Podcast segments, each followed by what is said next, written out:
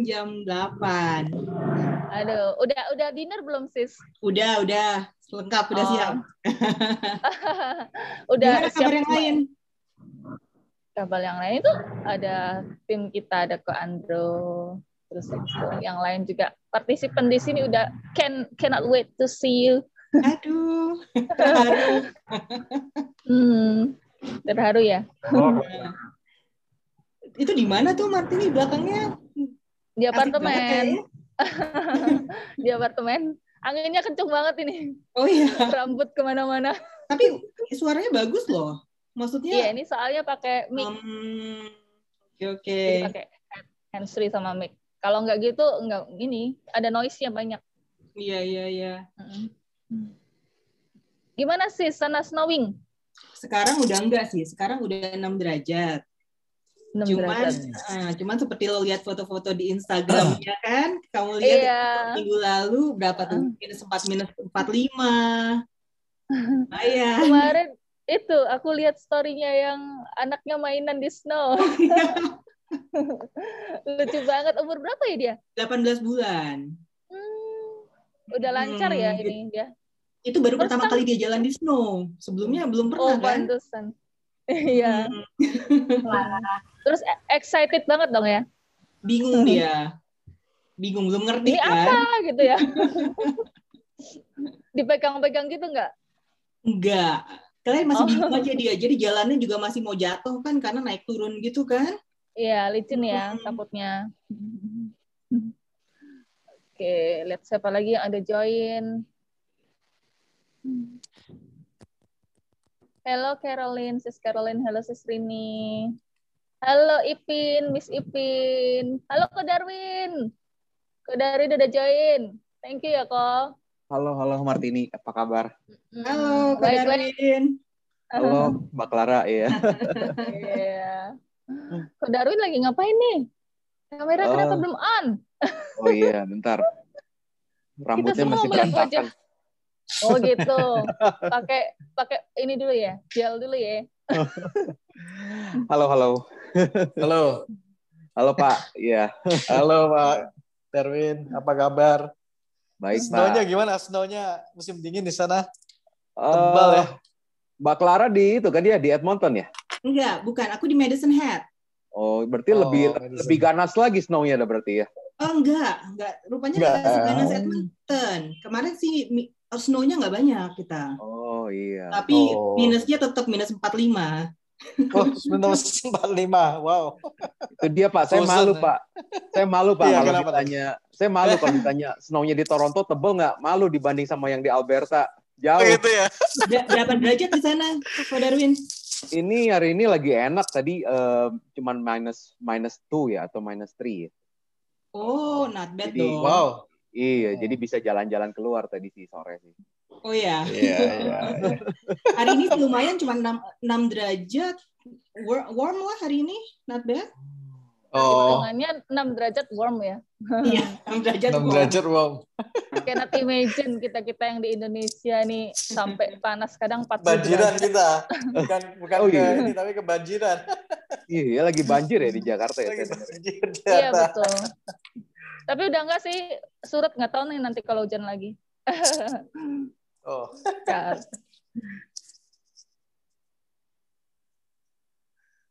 Udah pada join belum nih? Halo yang baru, join. 25. Iya, thank you ya yang baru join. Oke, Hmm, ini udah jam 10 pas. Ya, start. Uh, di di Sis Clara udah jam 8 pas ya. Oke, eh, Sis Clara di unmute aja. Oh ya. Ya. Oke, I guess kita mulai dari sekarang aja ya. Hmm. Oke, welcome back to webinar online with me Martini Chang from Maple Edu. Okay, today we have special guest which is from Medicine Hat in Alberta. She is Sis Yay. Clara Berkelana. Hai, Sis Clara. Halo semua. Hmm. Oke, um, first time first mungkin uh, introduce a little bit ya about yourself. Maksudnya uh, status Sis Clara apa di sana, lalu uh, hubungannya sama Medicine Hat College gitu-gitu ya. Hmm. Oke, Oke. oke go ahead. Uh, aku salam kenal semua, namaku Clara. Um, pokoknya aku udah di sini, udah di Kanada itu 12 tahun. Pertama kali nyampe uh, di Toronto waktu itu 2009. Juga mulai student juga sebagai student ngambil sertifikat setahun. Habis itu dapat postgraduate work permit, ya gitulah caranya akhirnya dapat kerja. Terus kemudian dapat PR. Nah, setelah dapat PR, saya dapat kerja yang lebih baik di Madison Hat College sebagai recruiter.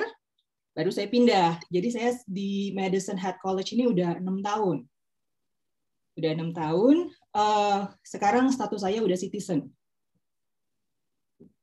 Wow, udah citizen. Udah. Wow. Finally, uh, you release Indonesian. I know it's very Yeah. tough. Susah, Very tapi aku tough. pikir ya sudahlah toh saya akan di sini, ya udahlah. Oke, ini kita curious banget nih, langsung aja ya. Apa yang membuat Sis Clara itu lepasin Indonesian citizen nih? Jadi sampai belain untuk maksudnya pindah ke warga negaraan itu kan uh, I guess it's very hard decision ya. Uh, Very take long hard. time to think about it kan. Mhm. Mungkin boleh diceritain a little bit tentang gitu. Hmm, kalau aku sih mikirnya ya eh, kalau PR kan harus diperpanjang terus. ya Iya, kan? benar-benar. Kita nggak tahu ke depannya gimana. Soalnya aku ngeliat kayak green card di Amerika. Dulunya mereka mungkin lebih fleksibel. Eh ternyata setelah waktu Trump dipersulit, ya kan? Jadi kan kita nggak tahu, maksudnya masih belum masih belum aman lah rasanya belum kalau belum ada citizenship gitu loh, ya Iya kan? juga sih. Mm-mm. Jadi makanya aku memutuskan toh aku juga udah di sini em, keluarga ya em- emang keluarga di Jakarta ya tapi kelihatannya nggak ada ya No problem ya. kalau balik lagi Oh, tapi eh, terakhir pulang Indo kapan sih? lima tahun yang lalu Lima tahun yang lalu. Mm-mm. Wah, makanya udah lama banget jadi jadi sebenarnya tuh kemarin tuh eh, saya tuh mau balik tahun 2020 bulan Maret dan saya baru punya Covid ya. baru punya bayi mau bawa pulang ketemu keluarga Iya, Eh, iya. sehari sebelum pulang, sehari sebelum pulang Trudeau bilang bakal tutup border. Wah, ya kan? repot jadi nggak bisa balik oh, ya. Jadi, jadi pas kita di Calgary itu jadi udah sehari sebelumnya udah di airport, saya harus membuat keputusan aduh gimana ini ya gitu kan. Iya, iya. Ya udah mana, mana bawa bayi, bayinya baru enam bulan kan. Repot banget ya Eh, dan, pastinya. dan resiko Hmm. juga ada pandemi gini jadi jadi ya udah Iya. kan nggak balik dulu tapi aduh sedih banget itu. Tapi keluarga juga eh, maksudnya eh, tetap kontak terus kan ya, mungkin Oh, video iya. call gitu-gitu ya. tiap hari Pasti ya. kontak Eh, khususnya kayak orang tua saya juga tiap hari kontak kan karena ada bayi baru lebih lebih mentingin bayinya kayaknya daripada ngobrol sama anaknya ya Iya, itu udah biasa kayak gitu ya. Orang granny ke cucunya ya kan. betul betul Oke, aku mau sapa dulu nih ada Pak Khairul habis join. Thank you Pak Keke. Oh ya, Ya, halo Pak oke. Kairul halo. Minus berapa Pak di sana Pak? Ini yang terdingin ini ceritanya di sana. Sekarang lumayan udah minus 10 lah, 10-an. Wah, ya kan di antara kalian paling dingin ya. Iya.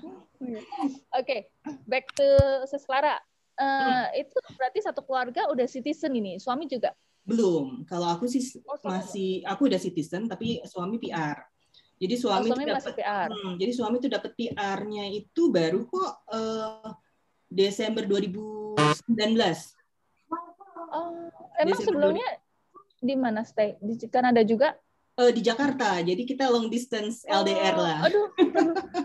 Wah, salut. Eh, tapi Lama berapa kali ya. Mm, tapi berapa kali dia ke Kanada. Nah, itu Hmm. kalau proses eh, kalau proses spouse ya emang lebih cepat ya. Jadi waktu Hmm. itu cuman butuh waktu 8 bulan ya dari awal apply sampai akhirnya dapat PR. Hmm, Mm, Oke, nanti kita bahas soal itu ya. mm-mm. Nah, nah yang Bring Family itu kan ada pastinya Hmm. pada eh, excited juga kan pada mau ke sana sama family juga. Nah, Mm-mm. sebelum kita ke situ mungkin eh, kita bahas dulu nih tentang eh, kerjaan sis Clara di Medicine Hat terus habis itu eh, ya kira-kira di sana itu ada apa aja sih yang ya selama ini lika-liku di sana lah kurang Hmm. lebihnya Em, eh, sekarang ini kan saya kerja di Medicine Hat College. Medicine Hat itu pasti banyak yang nggak tahu lokasinya ya.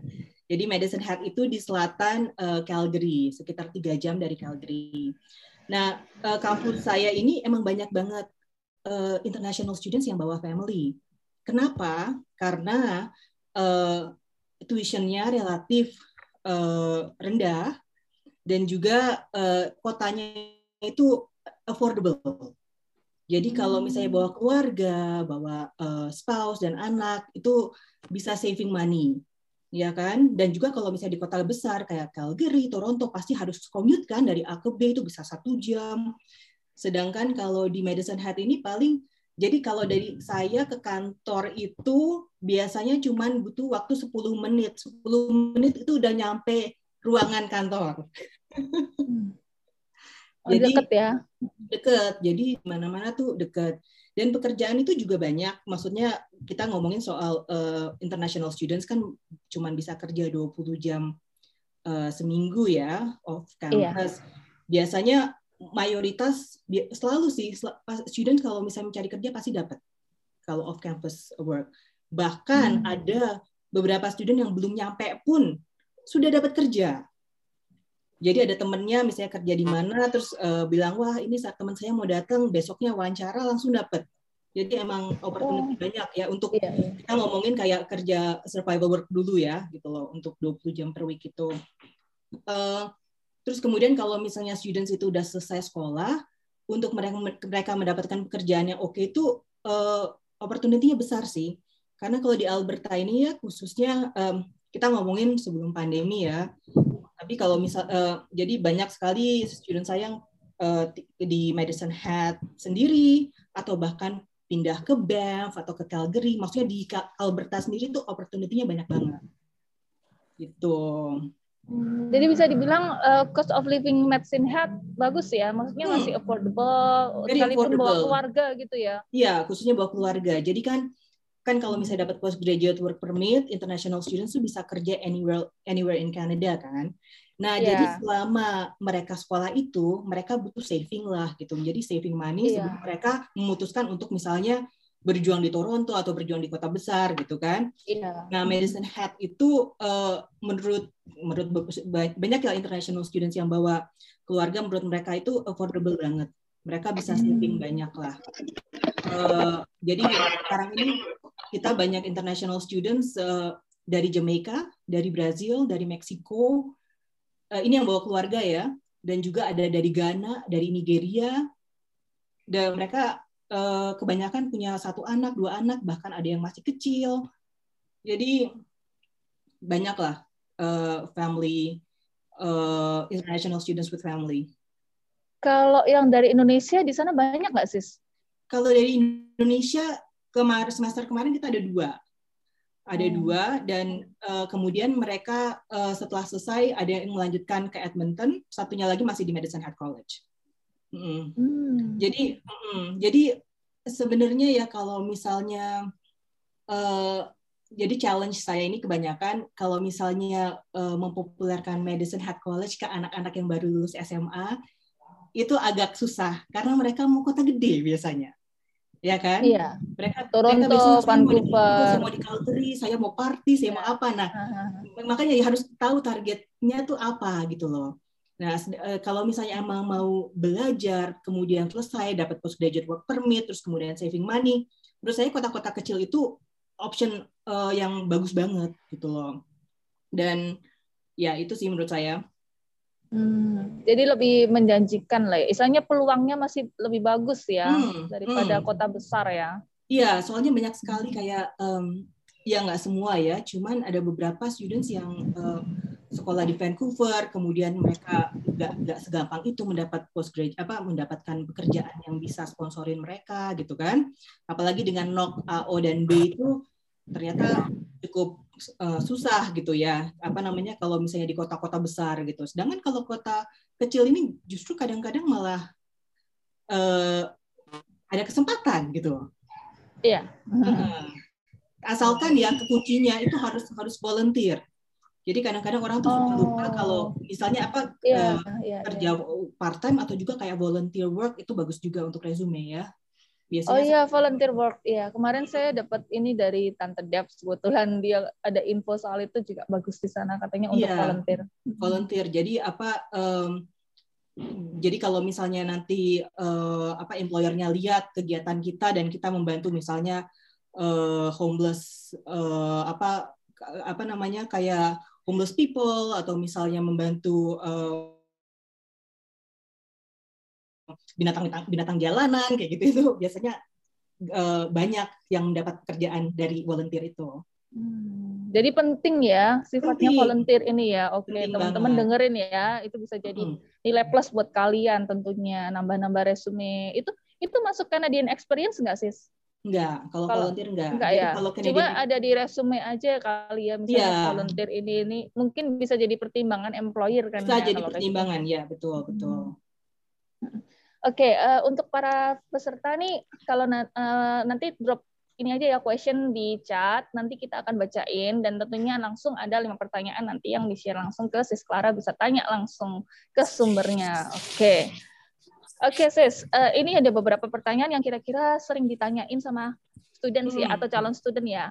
Nah, eh, pertama nih, kalau di Medicine Head itu untuk beberapa program yang ada co-op-nya, untuk employer-nya nanti yang cariin dari college-nya atau studentnya sendiri yang cari untuk tempat. College-nya. College-nya akan mencari untuk studentnya. Jadi kalau misalnya, pokoknya kita akan mencari sampai dapat gitu. Jadi makanya kalau program co-op itu kita udah tahu eh, berapa banyak student yang bisa kita terima. Jadi kita bisa mengalokasikan student-student itu akan ke mana gitu. Jadi mereka pasti akan datang Hmm. co-op. Mereka nggak Iya. akan cari sendiri. Mm-mm. Jadi aman ya. Jadi maksudnya Aman. ketika kita register untuk yang program ada co-op, itu udah pasti nanti jaminan untuk dapat co-op dari college ya. Betul, betul. Oke, that's great I guess. Terus habis itu, hmm, kalau ini kalau dilihat kan tuition fee-nya per year-nya itu in case ada yang harus remedial nih, amit-amit misalnya ya remedial tuh pada subjek tertentu.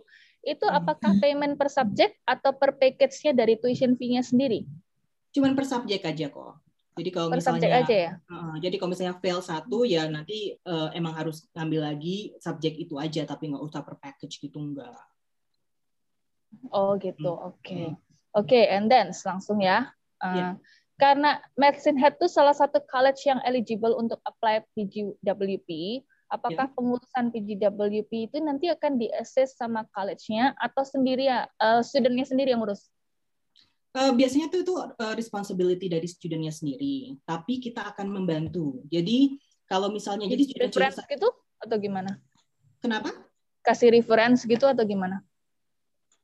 Oh, uh, jadi lebih membantu. Jadi kalau misalnya postgraduate per permit mereka kan ngisi form sendiri ya. Nah, Iya. jadi kita itu kan uh, kalau saya tuh kan RISIA. RISIA itu Regulated International Student Immigration uh, Consultant. Uh, Iya. Jadi Hmm. bisa membantu uh, student untuk uh, mengerti apa yang harus diisi. Tapi saya tidak bisa nulis untuk mereka. Mereka harus mengisi sendiri. Jadi biasanya kalau pandemi gini ada yang masalah dengan uh, form, masalah dengan uh, ex- extend work permit, biasanya mereka telepon saya atau melalui Zoom, jadi akan saya bantu step by step. Oh iya iya iya. Gitu. Hmm. Oke, and then next eh, kita ngebut aja ya, soalnya pertanyaan udah cukup banyak ini. Iya ya. Kita bahas dulu. Iya, udah excited semua pada mau tanya. Oke, and next. Eh, apakah ada scholarship juga di Medicine Hat untuk international student di awal join dengan college-nya atau baru di tahun berikutnya baru bisa apply nih? Dan misalnya benar ketika dapat scholarship tertentu, eh, kita jadi malah nggak bisa apply PGWP karena dapat scholarship, iya nggak kayak gitu? Oh, um, kalau misalnya uh, scholarship kita tidak memberikan scholarship untuk international student di first year, tetapi untuk second year international student bisa apply. Dan it, kalau mereka dapat scholarship, tetap mereka bisa dapat postgraduate work permit. Kalau mereka lulus uh, uh, dengan dan mereka studying full time, itu nggak nggak ada halangan untuk mereka apply postgraduate work permit. Oh gitu. Oke deh, berarti solve problem ya. Uh, Hmm. And then number five, as international student kita kan dapat izin untuk part time maksimal 20 hours ya per week. Nah Iya, kalau lebih dari 20 hours itu apa bisa kena blacklist pada saat PGWP-nya? Bisa. Bisa kena blacklist. bisa. Hmm, terus jadi pernah gitu ya. kejadian, pernah kejadian ke student Hmm. kami. Oh ya, jadi masalahnya, jadi ini sebenarnya hoki-hokian ya. Oke, ada yang kena, ada yang enggak. Apa saja kalau pas mereka ngecek gitu loh. Oh, Apalagi kalau misalnya nggak under table ya, kalau misalnya emang kerja eh, pakai dipotong teks itu akan ketahuan berapa jam mereka kerja. jadi nah, kalau kalau- cash on hand nggak ketahuan. Ya cash on hand kan itu ilegal. Iya, Jadi kan saya nggak- saya ini kan lah gitu. nggak nggak Nah, jadi, ya nggak rekomend. um, nggak rekomend. Tapi kalau misalnya kalau misalnya mereka lebih dari itu pasti eh, biasanya akan ketahuan. Hmm. Uh, tapi ya seperti saya bilang itu saya nggak tahu ya studentnya berapa banyak yang kerja lebih dari 20 jam, tapi berapa tahun yang lalu ada dua student yang kena. Mereka nggak dapat postgraduate work permit.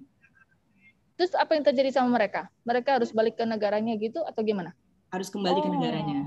Hmm. Itu nyesek banget nggak? Nyesek banget. Nah, Udah susah-susah datang. udah susah-susah datang, terus mereka udah selesai nilainya sekolahnya bagus, tinggal dapat Apa dong? terus nggak dapat. Iya. Oh, j- jadi ini ya eh, benar-benar kita harus tetap stay on the procedure protokol gitu ya. Betul. Patuh betul. lah ya. Hmm. Oke, oke, next. Eh, ini mungkin pertanyaan yang sering banget ditanyakan ya. Ke keadaan saat COVID sekarang tuh gimana di sana, sis? Jadi misalnya mungkin berpengaruh nggak dengan eh, cari jobnya atau apa gitu? Eh, jadi sekarang kita masih eh, sekolahnya masih online ya. Eh, kita berharap September nanti semuanya kembali face to face. Kita berharap banget itu. Tapi saat ini masih online. Tapi student-student saya yang saya tahu banyak aja kok masih Commute, sis. Itunya. eh, yang saat ini ada di Medicine Hat bisa dapat kerja kok gampang. Jadi nggak nggak ada nggak ada pernah pokoknya saya kan masih keep in touch sama student-student eh, yang sekarang lagi belajar mereka dapat kerja no problem Oke. Oke, next. Waduh, ini pertanyaan udah banyak banget. Sekarang kita langsung masuk ke pertanyaan aja ya. Oke. Hmm. Em, halo Mbak Clara, mau tanya-tanya Mbak, kalau di Imagine Head untuk beberapa program yang ada co-opnya, oh, oh ini sudah nih. Satu college and juga punya. Oh ini sudah tadi. Eh, next aja. Hai Mbak Clara, aku mau tanya nih, aku tertarik apply certificate one year co-op program. Kalau nggak salah, post visa hanya bisa kalau kita ambil public college ya. Kira-kira ada private college yang bisa post visa juga kah? Oh, ini pertanyaan di luar mesin hat. oh eh, setahu aku enggak harus harus di- eh, DLI ya harus Iya, DLI tapi kalau private college tapi dia masuk DLI berarti bisa ya? bisa Kan ada tuh. Eh, Asal masuk Iya. ke list DLI aja kan ya. Entah itu Iya, mau betul. public atau mau private kan nggak masalah kan ya. Tetap betul dapat. betul Oke. betul bisa Oke, next. Apakah mau daftar di mesin hat apa kudu waiting list ya? Eh, maksudnya susah nggak gitu loh? Oke, tergantung Nah, programnya. Jadi program yang sekarang itu em, apa namanya cukup susah masuknya karena banyak interest yaitu social work, eh, nursing, terus eh, early child care itu ya oke lah. Maksudnya kompetisinya nggak se, se kompetitif yang lain, tapi tiga itu lumayan populer. Tapi kalau bisnis kita banyak seats.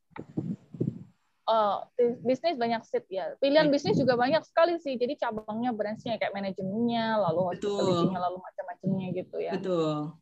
Oke, next.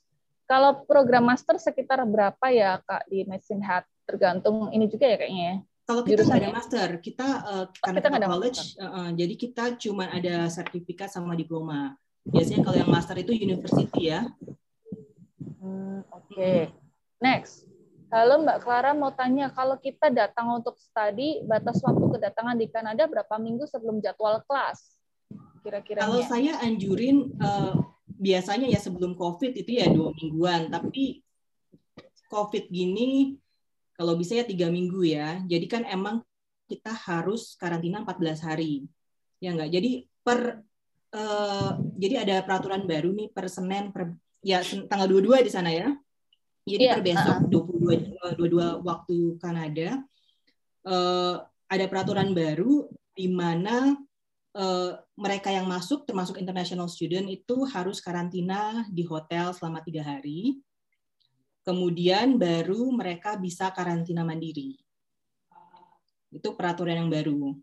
Tapi saya berharap September nanti sudah berubah ya peraturan itu. Oke, ini ada banyak pertanyaan juga tentang karantina itu sendiri ya. Jadi kayak uh, prosedurnya kayak gimana kan denger-denger tuh mahal banget tuh kayak ada peraturan baru 2000 dolar uh, untuk tiga hari sama PCR itu betul nggak sih kak? Jadi uh, kayak um, dari medicine head-nya gimana? Atau ada karantina dari medicine head juga? Atau kita harus dari government atau gimana? Mungkin bisa dijelasin ya. Hmm. Jadi uh, dulu sih student bisa langsung karantina di uh, di college-nya, di apa residence kita.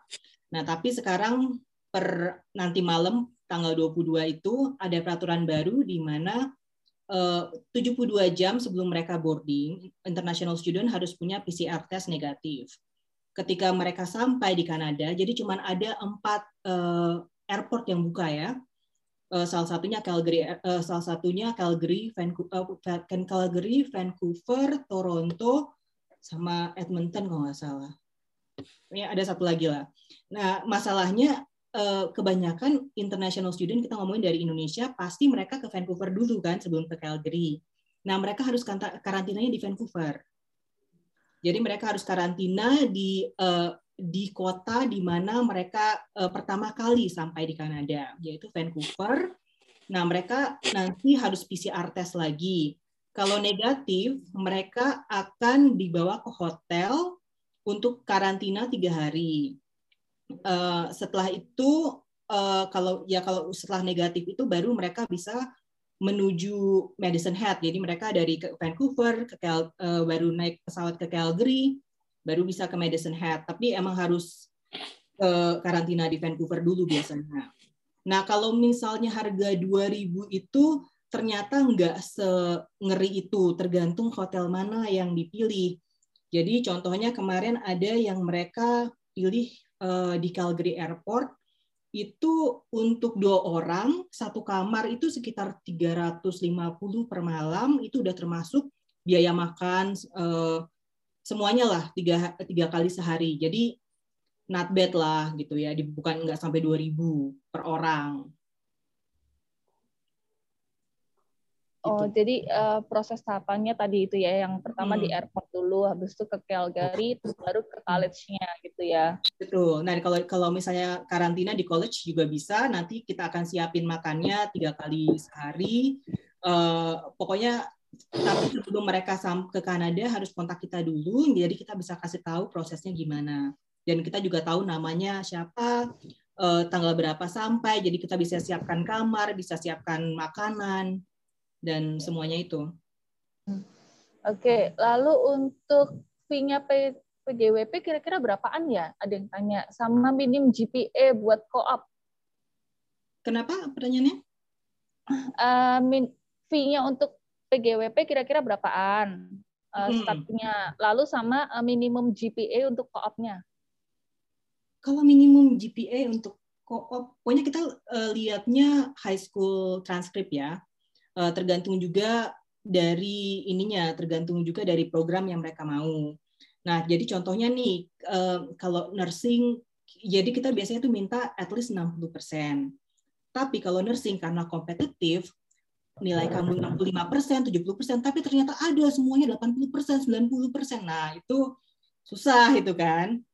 Jadi kalau misalnya program-program kompetitif emang lebih berat. Tapi biasanya kita ngelihat transkrip high school dengan uh, nilai sekitar 60% uh, eh, dengan dengan subjek tertentu. Nah, terus kemudian oh ya IELTS kita minta uh, eh, 6.0 in all bands uh, kecuali ada beberapa program yang kita minta seven in all bands. Kalau PGWP biayanya 150 ya untuk apply. Oke, oke. Next kita ke pertanyaan berikutnya. Agak ngebut nggak apa-apa ya, Kak? Nggak apa-apa. apa. Oh, banyak ini yang tanya. hmm, bentar.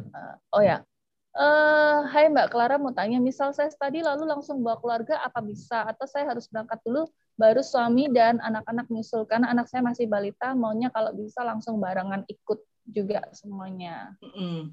Jadi sebenarnya kalau misalnya mau bawa spouse itu ada tiga cara. Jadi satu kamu apply dulu, setelah dapat kemudian family apply, ya kan? Eh, Bisa kamu ke Kanada dulu, kemudian kemudian eh, keluarga baru apply. Terus ada juga dulu itu di mana spouse-nya datang sebagai turis, kemudian mengganti eh, statusnya sebagai eh, work permit dari dalam Kanada itu bisa. Tapi masalahnya karena pandemi ini eh, turis itu belum bisa masuk. Jadi yang bisa masuk itu adalah eh, apa namanya eh, jadi yang keluarga dari PR atau citizen. Jadi misalnya karena saya sudah citizen, ibu saya misalnya bisa ke sini. Tetapi kalau misalnya saya masih work permit atau study permit, keluarga belum bisa ke sini. Nah, itu agak susah juga kalau misalnya spouse-nya ngambil cuman eh, turis visa ya. Jadi emang harus ngambil work permit kalau mau bareng. Jadi apply-nya barengan. Mm. Hmm, Ini mumpung lagi ngomongin soal eh, sponsorship kan ya, bawa vis, eh, bawa apa keluarga ke sana. Sekalian aja mungkin Sis Clara jelasin waktu itu proses eh, rekrutmen atau sponsorship spouse-nya gimana kan? Spouse selama di Indonesia dulu kan? Hmm. Mungkin Oh, bisa kalau ini- diceritain. Hmm, kalau ini PR ya, eh, kan saya juga udah citizen ya. Jadi waktu itu untuk eh, sponsorin spouse, dia waktu itu lagi di Jakarta, jadi kita apply-nya Outland. Tapi meskipun apply Outland, bukan berarti dia nggak bisa ke sini gitu. Jadi dia apply bisa apply visa turis. Tapi, nah ini cukup cukup tricky waktu ada orang yang bilang wah kalau misalnya eh, dual eh, application itu kadang suka susah gitu dapat turis visa. Nah, cuman masalahnya dulu dia sering udah berapa kali ke sini dengan turis visa jadi kelihatannya di jadi dap, dap- eh, dapetnya gampang gitu ya. Nah, terus kemudian dia jadi kan waktu itu saya melahirkan bulan September, dia ke sini juga pas bulan September eh Agustus akhir. Nah, eh, jadi kita nunggu PR-nya itu di sini dalam Kanada meskipun dia apply Outland meskipun dia apply dari outland eh, dari luar Kanada. Nah, pas kemudian diminta medical, kita ke Calgary untuk eh, medicalnya. Terus kemudian eh, diminta apa PPR ya sama visa, eh, kita kirimnya ke Ottawa. Jadi kalau di Jakarta kan kita kirimnya ke Singapura, tapi karena dia udah dalam Kanada, jadi kita kirimnya ke Ottawa. Terus kemudian akhirnya kita landing di Coutts. Coutts itu dekat Alberta ya perbatasan sama Montana. Jadi kita harus eh, flag polling istilahnya. Jadi muter gitu dari harus keluar Kanada dulu ke Amerika terus baru muter lagi. Jadi dia landing sebagai PR. Itu prosesnya cepet sih cuma 8 bulan ya. Dari dari awal sampai akhir. Jadi beda banget sama kalau misalnya eh, dulu express eh, dulu nggak zaman saya apply PR belum ada express entry tapi saya apply-nya dua um, Canadian Experience Class sama Federal Work Permit, uh, Federal uh, Skill Worker itu saya apply dua, dua-duanya tuh dapat tuh, tapi prosesnya lama dua tahun. Jadi pas kalau sekarang kan Express Entry cuman enam bulan, tujuh bulan udah bisa dapet ya. Jadi saya waktu itu prosesnya lumayan lama tuh PR-nya. Itu dulu tahun berapa kak? Eh, saya pokoknya apply PR itu tahun 2011 ya. Dapatnya Oh, itu udah lama. 2013. Mm. Jadi belum ada express entry itu. Udah 10 tahun yang lalu, Iya, udah hampir lama. 10 tahun yang lalu. udah lama. ya. udah berubah kebijakannya ya. Iya, betul. Tapi katanya express entry lebih gampang sebenarnya nunggunya nggak selama saya waktu itu kan. Tergantung skornya juga. Oh iya, iya Iya. itu pasti. Kalau skornya udah cukup ya lebih lebih cepat ya.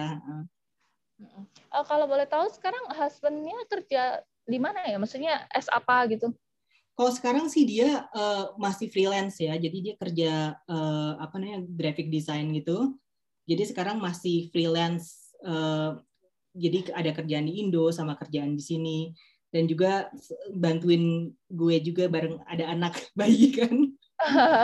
Iya iya iya. Eh, masalahnya sekarang kan banyak eh, apa namanya eh, childcare tutup ya karena pandemi dan juga untuk catatan juga kalau misalnya punya anak bayi, punya anak kecil itu childcare tuh lumayan mahal loh, mahal banget. Sebulan Iya. bisa 1.200. Ya, semakin kecil semakin mahal. Semakin kecil semakin mahal. Oke, uh, we go to the next ya. Hai, saya engineer di Indonesia dan saya sudah graduate S2. Apakah saya harus mengambil S2 lagi? Kira-kira berapa biaya per tahun yang dibutuhkan? Oke. Tergantung sih kalau misalnya mau ngambil kalau saya kalau saya sih pribadi udah males ya kalau udah S2 belajar lagi sampai S2 gitu. Eh, kayak dulu kan eh, saya juga udah S2 di Inggris dulu. Terus sempat eh, terus kemudian pulang di ke Jakarta, sempat kerja, terus kemudian waduh udahlah kelihatannya lebih cocok mau keluar lagi nih gitu kan. Jadi akhirnya saya ngambil sertifikat itu cuman ngambil setahun eh, terus kemudian jadi cuma 8 bulan eh, sekolah, dapat 8 bulan work permit, tapi emang itu challenge banget karena dalam 8 bulan itu saya harus cari kerja kan, kalau enggak susah harus harus balik kan. Kebetulan eh, dapat kerja dalam waktu sebulan dan mereka akhirnya bersedia untuk sponsorin work permit. Nah, itu beruntung banget itu. Tapi kan emang eh, background kita juga membantu. Jadi sebenarnya itu lebih pada batu loncatan aja untuk ke sini. Tapi kita juga punya background pendidikan lain kan yang bisa kita pakai untuk cari kerja. Istilahnya ngantongin skill juga kan ya. Betul. Oke, next. Um, untuk mahasiswa yang membawa anak usia 3-4 tahun apa bisa didaftarkan sekolah dan sistem sekolah untuk anak usia 3 sampai 4 tahun di sana seperti apa ya terutama untuk jam belajarnya. Makasih Kak Clara. Eh, kalau misalnya eh, 3 sampai 4 bisa, mereka bisa datang. Eh, terus kemudian itu kan masih kindergarten ya. Jadi kalau kindergarten itu biasanya itu mereka ada dua shift. Jadi ada pagi cuman kayak empat jam terus nanti pulang. Jadi cuma empat jam lah mereka sehari itu. Nah itu agak sedikit juga challenge juga kalau misalnya dua-dua orang tua sama-sama kerja kan. Jadi emang harus harus ini sih ya harus eh, manage time juga. Jadi semakin kecil anak seperti saya bilang tadi, ya emang semakin tricky ya. Gantian lah ya istilahnya untuk jagain Ya. untuk kerjanya juga. Mesti Betul, kita betul. bagi waktu. Iya, dan juga eh, sebenarnya tuh ya kalau misalnya anak-anak di bawah 18 itu, kalau misalnya orang tuanya punya study permit, sebenarnya mereka tuh nggak perlu study eh, study permit mereka- kalau mereka ke sini. Tapi ternyata banyak sekali murid-murid kami yang membawa anak eh, sekolahnya tuh minta study permit gitu loh. gitu. Jadi biasanya eh, jadi pas apply minta study permit juga. Jadi semuanya saat jadi istrinya study permit, suaminya work permit, terus dua anaknya study permit. Jadi apply di Indonesia sebagai sebagai itu. Padahal harusnya nggak usah ya. Harusnya nggak usah. Jadi kemarin tuh kita ada masalah ada, em, ada murid Meksiko, mereka ke sini anaknya umur 7 sampai 8 tahun. Itu sekolahnya nggak mau terima karena nggak ada work study permit. Padahal kita udah dibilang ini nggak perlu karena mereka eh, apa orang tuanya udah punya permit, tetap nggak bisa. Jadi ya tricky ya. Akhirnya mereka harus apply dari Kanada. Itu butuh waktu. Jadi anaknya harus nunggu beberapa kayak sebulan atau dua bulan nggak sekolah. Mereka mungkin senang ya, tapi orang tuanya kan Pusing orang tuanya. Iya.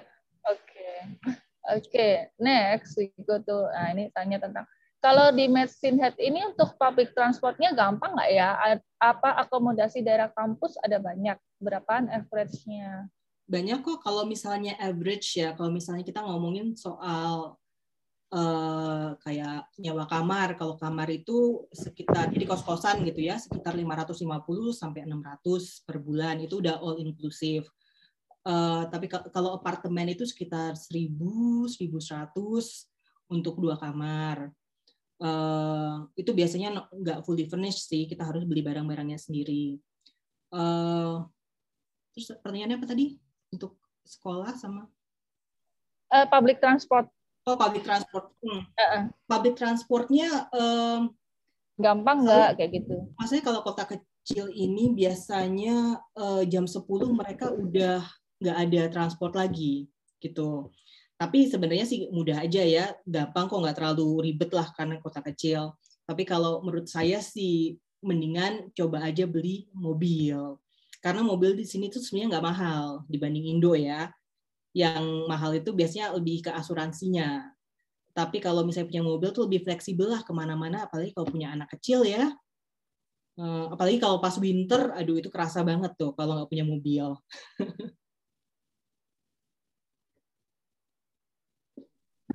Oke, terus ada yang nanya eh, kalau untuk eh, aplik apply spouse visa nih yang di interview cuma studentnya atau spouse-nya juga ikut di interview? Ah, tergantung, tergantung eh, ininya apa namanya eh, officernya, immigration officer. Jadi kemarin itu eh, kita punya student India ya, student dari India. Jadi eh, mungkin banyak yang aware kalau daerah Punjab itu kebanyakan di- apa namanya eh, dijodohin ya, dijodohin. Nah jadi mereka rupanya menikah kayak barulah mungkin tiga bulan sebelum mereka ke Kanada. Ternyata pacarannya cuma kayak sebulan atau dua bulan. Jadi uh, officernya itu nggak yakin kalau itu benar pernikahan yang benar gitu loh. Nah, gara-gara itu akhirnya dua-duanya diwawancara. Jadi mungkin tergantung tergantung ya, tergantung kasus case by case. Tapi biasanya sih kalau untuk spouse nggak yang di nggak terlalu ini sih ya, nggak kalau misalnya student-student saya nggak diwawancara tuh, cuman kemarin itu aja yang India yang diwawancara. Jadi tergantung case by case. Hmm, Oke, Eh, lalu sekarang kemarin ada meeting dengan government atau tanggal Oh, yes. eh tanggal 17 ya? Mm-mm. Jadi Iya. eh, ya itu mereka ngomongin soal em, apa namanya eh, yang tadi saya bilang bahwa eh, turis visa kita eh, jadi spouse dengan turis visa itu belum bisa masuk ya kan? Kecuali kalau misalnya eh, student itu adalah minor yang di bawah 18 tahun butuh orang tuanya untuk anterin atau enggak mereka eh, ada eh, masalah physical gitu loh. Jadi mereka harus pakai kursi roda atau apa jadi mereka butuh orang untuk bantu. Tapi di luar itu eh, turis visa itu bi- enggak ada saat ini jadi kalau misalnya mau jadi kita ngomongin eh, banyak kan yang spouse yang ke sini dengan turis visa terus kemudian apply eh, work permitnya within Canada nah saat ini nggak bisa itu itu agak susah agak susah jadi direkomendasikan untuk apply work permitnya dari negara asal Oh, oke. Hmm. Itu yang kemarin hasilnya ya. Mm-mm, mm-mm. Oke, next. Um, bentar, aku manjat dulu. Banyak. Um, Kak, boleh dijelaskan prosedur pengurusan visa student setelah mendapat acceptance letter dari college in- atau unit di Kanada? Apa ada perubahan oh, perubahan prosedur selama COVID, misalnya wawancara visa jadi via Zoom dan lain-lain? Hmm, enggak sih, tapi semuanya emang harus online ya. Semuanya harus online. Terus kemudian kalau wawancara lewat telepon aja, biasanya nggak pakai Zoom kok kalau misalnya perlu. Kemarin ada Oh, student dari ya? Jamaika, hmm, dari Jamaika juga mereka di, di telepon sama imigrasi untuk untuk menanya tentang eh, apa namanya tentang funding ya, tentang proof of fund itu lewat telepon. Oke, terus ini kak, eh, misalnya nih di airport nih, jadi udah tiba di airport, tiba-tiba eh, waktu tes PCR di sana salah satu ada yang positif COVID gimana terusan? Ber- Berarti yang positif itu akan dibawa eh, ke tempat khusus eh, emang yang disediakan ya oleh pemerintah. Nah itu itu tanpa biaya itu. Jadi Oh gitu, eh, jadi kalau negatif keluar duit, kalau misalnya positif malah gratis ya. malah dibayarin. Tapi siapa mau? gitu kan ya. Eh, Oke, Hmm, oke next, bentar. Hmm. Hai Kak Clara, kalau misalnya programnya satu tahun, tapi kita lulus satu setengah tahun dari program itu, dapat PGWP-nya satu tahun atau tiga tahun Kak? Terhitung itu belajar satu tahun atau dua tahun? Oh jadi dia eh, oke jadi programnya itu sendiri cuma setahun, tetapi dia nyelesain dalam waktu satu setengah tahun. Nanti PGWP-nya cuma dapat setahun aja. Oh tetap satu tahun ya jadinya ya? Iya, jadi per program. Kalau kayak gitu kan enak banget tuh, dilama-lamain aja. Iya, benar benar benar. Oke, next. Hmm, di Medicine Head eh, untuk kota tersebut sendiri ya, susah nggak dapat PR? Dari job offer ke PR kira-kira nunggu berapa lama ya? kalau di Medicine Hat ya, pokoknya kalau misal uh, saya ada beberapa student uh, mereka dapat uh, kerja di Medicine Hat, terus kemudian jadi kan ada uh, ada PNP ya, uh, Alberta Provincial Nominee Program. Nah, mereka apply PNP itu setelah enam bulan kerja di NOC A, O, dan B. Setelah mereka apply, mereka dapatnya, eh, jadi cuma enam bulan doang, mereka cuma enam bulan kerja dengan NOC itu kemudian mereka dapat PR-nya dalam waktu tujuh bulan. Jadi cepat sekali. Oh, cepat ya? Cepat. Cepat. Hmm, berarti masih peluangnya bagus banget ya di sana. Iya, jadi ya ada tujuh bulan, ada setahun, tapi sekitar itulah. Hmm, dengar-dengar kayak provinsi lain kayak Ontario gitu kan uh, lebih susah. Iya, soalnya um, populer kan, maksudnya banyak iya. orang-orang maunya ke Toronto, iya. ke Vancouver, ya kan? Iya. Oke, jadi chance-nya bagus masih yang di sana. Iya, betul. And then next. Hai Mbak Clara, kalau boleh tahu dulu ambil program saat uh, first year-nya ambil sertifikat apa? Banyak mahasiswa Indonesia ambil program apa Mbak di M eh, di Medicine Hat? Kalau di Medicine Hat College uh, orang Indonesia kebanyakan ngambil bisnis. Uh, jadi ngambil bisnis uh, dua tahun diploma, habis itu mereka uh, dapat postgraduate work permit. Nah, kalau saya waktu itu di waktu itu sekolahnya di Humber College di Toronto, itu ngambil satu tahun sertifikat itu hospitality. Padahal saya tuh nggak ada background sama sekali hospitality. Kenapa saya ngambil hospitality? Satu, karena ya chances-nya ya kalau misalnya saya perhatiin teman-teman saya yang kerja hospitality kelihatannya bisa dapat PR lebih gampang atau ya itu pas itu pemikiran saya dulu dan kedua saya harus cari uh, jurusan yang berbeda dengan jurusan saya dulu. Kalau enggak kan nanti akan di, saya akhirnya dipanggil wawancara waktu itu. Ditanya kenapa kamu sudah S1, udah S2, terus tiba-tiba mau cuma ngambil sertifikat doang. Nah, mulailah kita harus meyakinkan uh, officer itu kenapa kamu mau ngambil jurusan itu. Itu dulu waktu uh, wawancara visa ya berarti ya? Wawancara visa. Ya itu pertama kali dalam seumur hidup saya diwawancara tuh untuk dapat visa.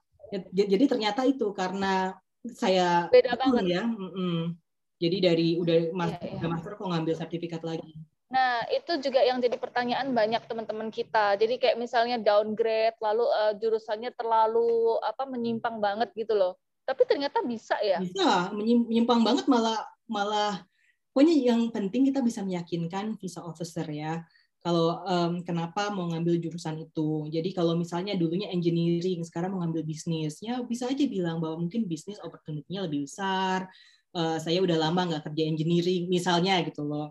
Uh, Atau jadi kerjanya buka bisnis sekarang gitu betul, kan ya bisnis betul. keluarga gitu-gitu ya. Betul. Jadi sebenarnya lebih kepada meyakinkan. Asal kita juga ya emang ya udah udah siap lah, udah menyiapkan mental dan menyiapkan uh, target ya maunya apa soalnya kalau kalau enggak kan sayang juga misalnya kita ambil dua tahun uh, early learning childcare tapi ternyata uh, setelah itu nggak nggak kerja di bidang itu juga sayang juga ya jadi kalau bisa emang ujung-ujungnya kerja di bidang itu iya harus align lah ya align ya hmm. Berarti uh, ini ya, di, aku pertegas lagi nih berarti untuk kan banyak yang tanya kalau downgrade berarti nggak masalah ya asal selama uh, kita bisa yakinin kenapa kita ambil itu. Betul. Misalnya uh, yang sertifikat hanya setahun atau yang tadinya udah master lalu ambil di. Hmm. Iya betul. Um, tapi kalau misalnya PNP ya Provincial Nominee Alberta itu kita uh, jadi Provincial Nominee Alberta tuh nggak nerima cuma sertifikat aja harus diploma atau postgraduate sertifikat jadi sertifikat udah nggak bisa apply PNP. Oke, okay. mm. oke okay, next uh, next ini ada yang tanya tapi udah terjawab sih kalau untuk study permit bisa bawa ah untuk study permit bisa bawa keponaan? Ditanyain gitu. Ya. Ada yang tanya. Gak ya. bisa kan ya, harus yang eh, ini kan ya. Harus uh, immediate family member.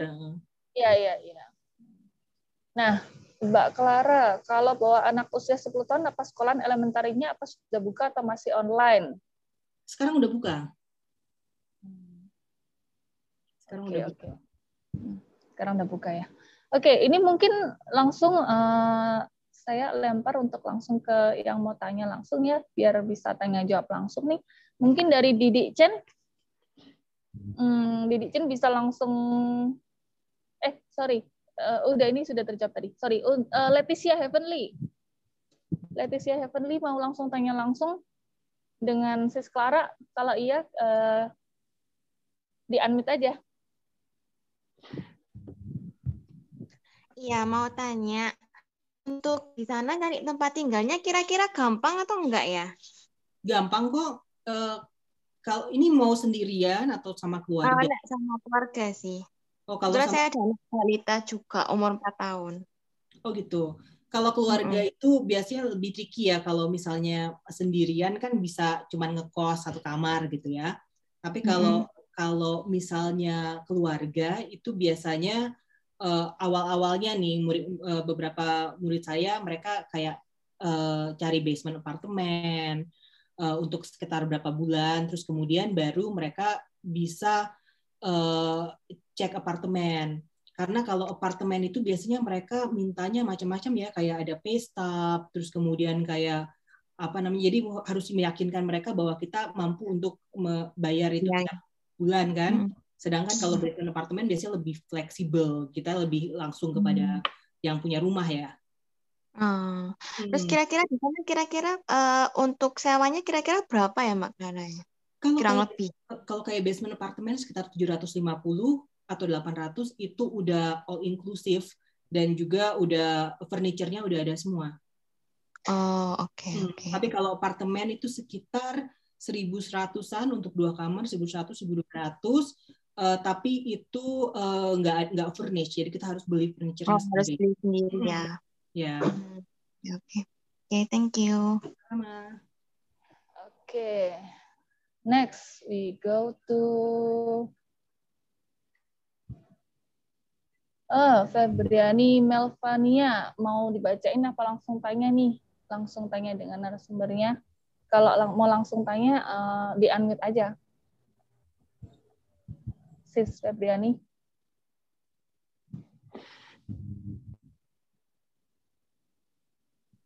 Ya, halo Kak. Ya. Halo. Kita langsung di ke Sis Clara.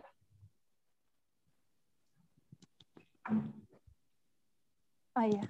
Eh, oh, makasih Kak. Eh, ini mau nanya. Tadi kan kalau nggak salah Kakak itu jelasin kalau untuk saat kondisi COVID sekarang ini, jadi kalau student permit itu nggak bisa bawa eh, spouse dulu ya, atau keluarga.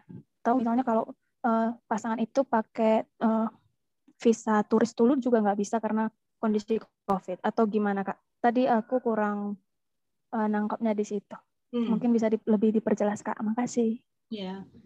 Hmm, kalau sekarang turis visa itu nggak bisa, kecuali kalau misalnya em, pelajarnya butuh bantuan secara fisik, contohnya dia eh, apa namanya luka atau misalnya dia butuh wheelchair, nah itu baru bisa. Tapi itu akan ribet banget, katanya harus menyediakan letter of intent, jadi agak ribet itu. Tapi kalau misalnya spouse-nya itu apply work permit barengan, jadi student-nya apply study permit, spouse-nya apply work permit, mereka bisa masuk. Pokoknya jangan turis visa. Tapi work permit masih bisa.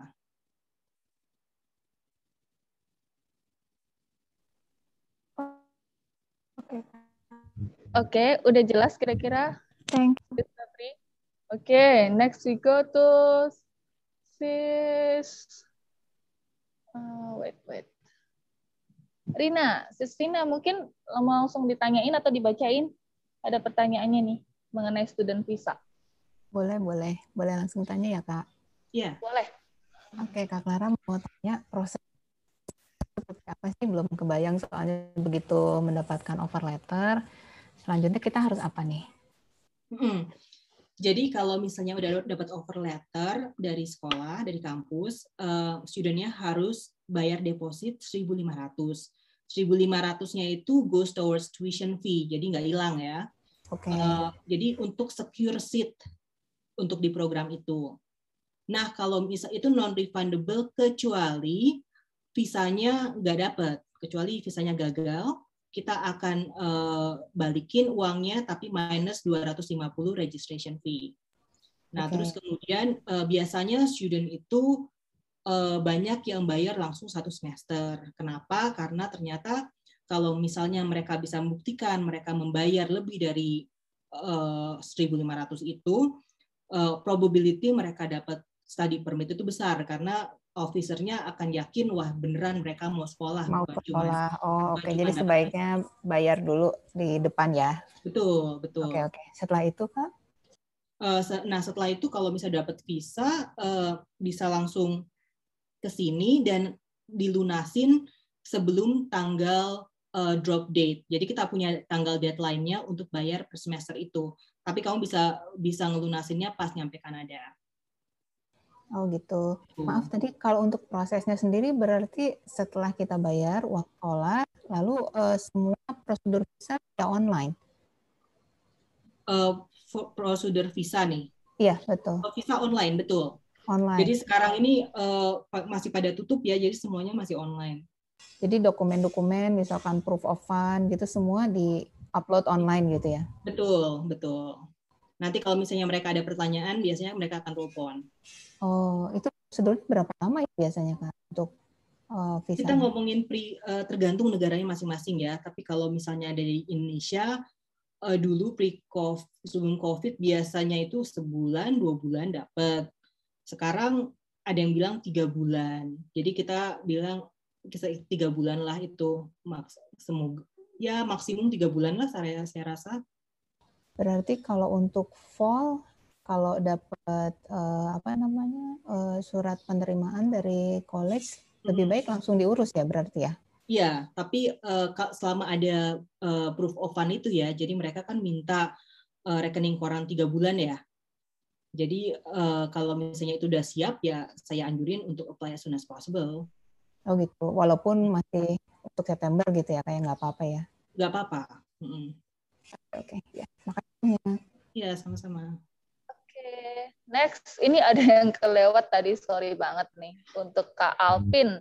Langsung aja Kak Alvin eh, ditanyain langsung ke Sis Clara. Oke, silakan. Halo, halo eh, Kak Clara mau nanya Kak. Clara Iya. Eh, untuk yang eh, proof of funds POV Hmm. eh, untuk itu kan terga- ada proof of funds itu kan di mana adalah tuition plus living cost ya. Iya betul. Nah kalau kalau misalnya kita untuk tuition kita kasih lihat eh, sampai kita lulus kan ya eh, total tuitionnya. Terus kalau living cost apakah boleh untuk satu tahun pertama at, eh, tuition plus eh, living cost satu tahun pertama atau memang kita harus kasih lihat ke, ke, ke mereka tuition plus living cost overall karena rencananya memang eh, saya sama istri saya mau mau kuliah dua-duanya sedangkan istri saya mau ngambil PhD saya sendiri mau ngambil master gitu kan Hmm. jadi memang kalau misalnya itu sangat eh, ini banget kalau misalnya PhD kan eh, 3 sampai 4 tahun lebih kan untuk ininya. Jadi saya mau eh, di itu aja di clear aja takutnya nanti eh, saya ngasihnya ini sa- ternyata salah. Ekspektasinya sih lebih, lebih kecil lebih baik sebenarnya kan itu. Iya, iya. Itu aja. Mm-mm. Kak Clara, terima kasih. Iya. Kalau proof of fund itu nggak perlu sampai 3-4 tahun itu nggak perlu. Jadi proof of fund itu jadi eh, eh, immigration cuman mau lihat proof of fund satu tahun sekolah plus satu tahun living expense which is sepuluh ribu. Jadi kalau misalnya eh, satu misalnya nih satu tahun sekolah sepuluh ribu tapi sekolahnya du- dua tahun jadi kan total dua puluh ribu nah kita nggak perlu nyiapin dua puluh ribu sepuluh ribu aja cukup sepuluh ribu ditambah sepuluh ribu expense gitu Oke, oke. Jadi li- Hmm. memang eh, living cost-nya untuk satu tahun, tapi tuition juga hanya eh, bisa satu tahun juga ya, kayak atau memang harus full sampai kita sampai eh, selesai ya gitu. nggak sampai selesai pokoknya bukti proof of fund-nya yang mere- mereka lihat cuman Just satu tahun pertama Iya. ditambah satu ta- tahun pertama tuition ditambah satu tahun pertama living expense jadi oke. mm, jadi nggak usah. Itu ber- itu berat banget itu kalau kayak gitu. Itu yang makanya saya jadi saya sama istri jadi jadi ini jadi apa rada sedikit eh, ini juga. Memang apa namanya jadi dilema juga dengan seperti itu gitu kan. Aduh apa saya dulu atau gimana? Karena ngambilnya beda-beda gitu. Dengan kayak gini kan Iya. jadi lebih eh, ini apa lebih, lebih tenang kan untuk ngambil ke depannya gitu ya. Cuma satu tahun dulu aja deh Iya, persiapan. Mungkin satu tahun lebih lah biar biar saya meyakinkan gitu. Karena kan kita Iya, jangka waktu lama. Iya, tapi nggak perlu sampai kalau misalnya PhD tiga tahun nyiapin dana untuk tuition tiga tahun nggak nggak perlu itu. Kalau Oke. ada sih baru eh, lulus. karena kan eh, saya dengar-dengar kan bisa juga kan kalau misalnya apalagi PhD atau enggak eh, ma- master sendiri kan ada ada kadang suka ada eh, research assistant atau enggak kerja sampingan lah yang 20 jam per apa dikasih waktunya gitu kan. Betul, Jadi betul. mungkin bisa kita bisa eh, dari situ kita bisa apa mengelola keuangan kita untuk bisa stay di sana hidup gitu maksudnya. Hmm, Tapi hmm. kalau bisa persiapan untuk sampai lulus kayaknya berat juga kalau misalnya itu. enggak kok. Cuman untuk satu tahun satu tahun eh, tuition satu tahun pertama. Oke, makasih banyak Kak Clara. Ya sama-sama. Oke, next eh, tadi ada yang mau tanya ini websitenya bi- bisa lihat, maksudnya bisa lihat jurusannya di websitenya apa? Mungkin Sespara jelasin website Medicine Hat. Eh, Medicine Hat College websitenya mhc.ab.ca. Eh, gimana ya? Di- dicatat atau nanti Ini dikirim aja dari tim bisa bantu share. Oke. Oke, next. Um, apa lagi ya ini? Kalau saya sebagai student, oke. Hmm, eh, Kak Hari mungkin ya. Kak Hari bisa langsung unmute untuk tanyain langsung ke Sis Clara.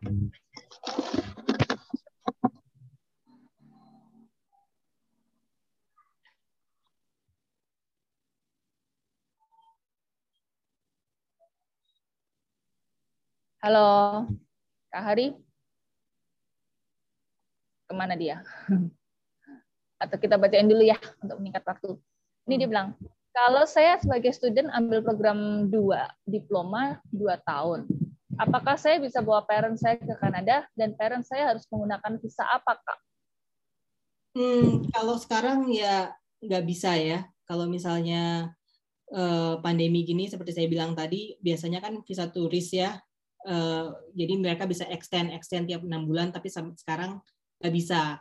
Tapi semoga kalau bulan September, eh, semoga sudah berubah. Tapi biasanya kalau kalau eh, parents ya biasanya ngambilnya visa turis dulu ya.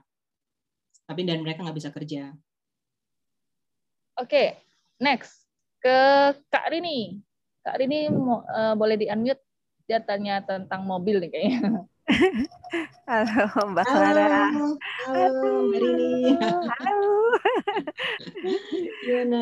Apa?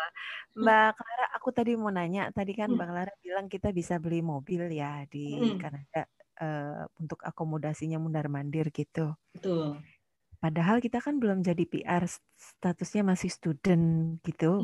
Hmm. Eh, apa bol, apa bisa gitu beli Bisa, mobil? Terus bisa. kemudian dipersulit nggak nanti? SIM-nya kan masih SIM Jakarta atau Mm-mm. gimana? Atau at- ataukah kita harus mengganti SIM Jakarta jadi SIM internasional? Atau boleh deh di ini Mm-mm. dikasih Ini informasinya. ini pas Makasih ya. Ya, sama-sama. Ini pas banget nih. Suami saya kan kemarin juga baru buat SIM kan. Nah, jadi prosesnya itu eh, kita harus minta surat eh, dari konjen atau bisa juga dari Indo minta ditranslate aja. Eh, udah jadi intinya mereka mau tahu udah berapa tahun nyu- nyetir. Nah, nanti kita akan bawa surat itu, terus kemudian mereka akan kirim waktu itu kirim ke Calgary eh, untuk di-assess. Jadi berapa tahun mereka jadi bisa berapa tahun eh, mereka punya di-assess lah. Nah, jadi intinya kalau di sini itu ada learners dulu. Jadi setelah learners setahun learners, habis itu eh, G1 ya. Habis G1 terus baru G2. Nah, kalau G2 itu bisa bisa driving anytime anywhere. Kalau G1 itu biasanya cuma sampai certain eh, time ya. Nah, jadi kalau kayak gitu eh, kemarin suami saya prosesnya agak ribet karena pandemi ya. Jadi harus tes tertulis dulu, habis tes tertulis terus kemudian setelah lulus baru tes nyetir, Nah, itu prosesnya kira-kira sampai akhirnya dapat itu tiga bulan ya, gitu. Jadi setelah, jadi kira-kira baru bisa tiga bulan, kemudian baru beli mobil. Oh, jadi Jadi, prosesnya prosesnya sama punten Mbak. Jadi prosesnya sama seperti kayak di Indonesia ya kita ada eh, apa namanya written test dulu, kemudian Iya. test driving begitu. Iya Oh, I see. betul. Oh, iya harus harus written test meskipun kita. Jadi sayangnya negara kita tuh nggak bisa langsung transfer kecuali kita misalnya dari beberapa negara kayak Korea, Jepang, Amerika, Inggris itu bisa mereka ke sana langsung transfer aja. Kita nggak bisa. Nggak fair ya. Jadi setelah tiga bulan baru bisa beli mobil kira-kira kira-kira ya setelah dapat Oh. setelah dapat ini SIM. Oh, satu lagi boleh nggak Mbak? Iya apa-apa. Eh, untuk akomodasinya kayak public transportation, entah itu bus atau angkot kali ya, atau eh, train MRT itu sulit nggak dari misalnya dari tempat tinggal kita ke Medhead College? Oh, college. Kalau ini kotanya eh, kecil ya, jadi kita nggak ada eh, apa namanya train atau apa, tapi kita biasa ada bis. Eh, bis itu eh, selalu ada sih dari jam 5 pagi udah ada sampai jam 10 malam dan mayoritas itu pasti biasanya ke Medicine Hat College karena memang banyak sekali eh, murid-murid di sekitar ya, international student dan domestic student sekolah di situ. Jadi nggak nggak susah sih kalau misalnya transportasi di sini. Oke, makasih Mbak Clara. Ya, sama-sama Mbak Rini.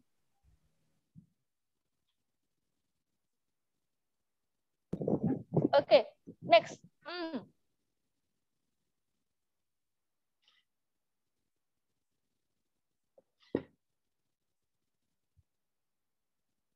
Halo.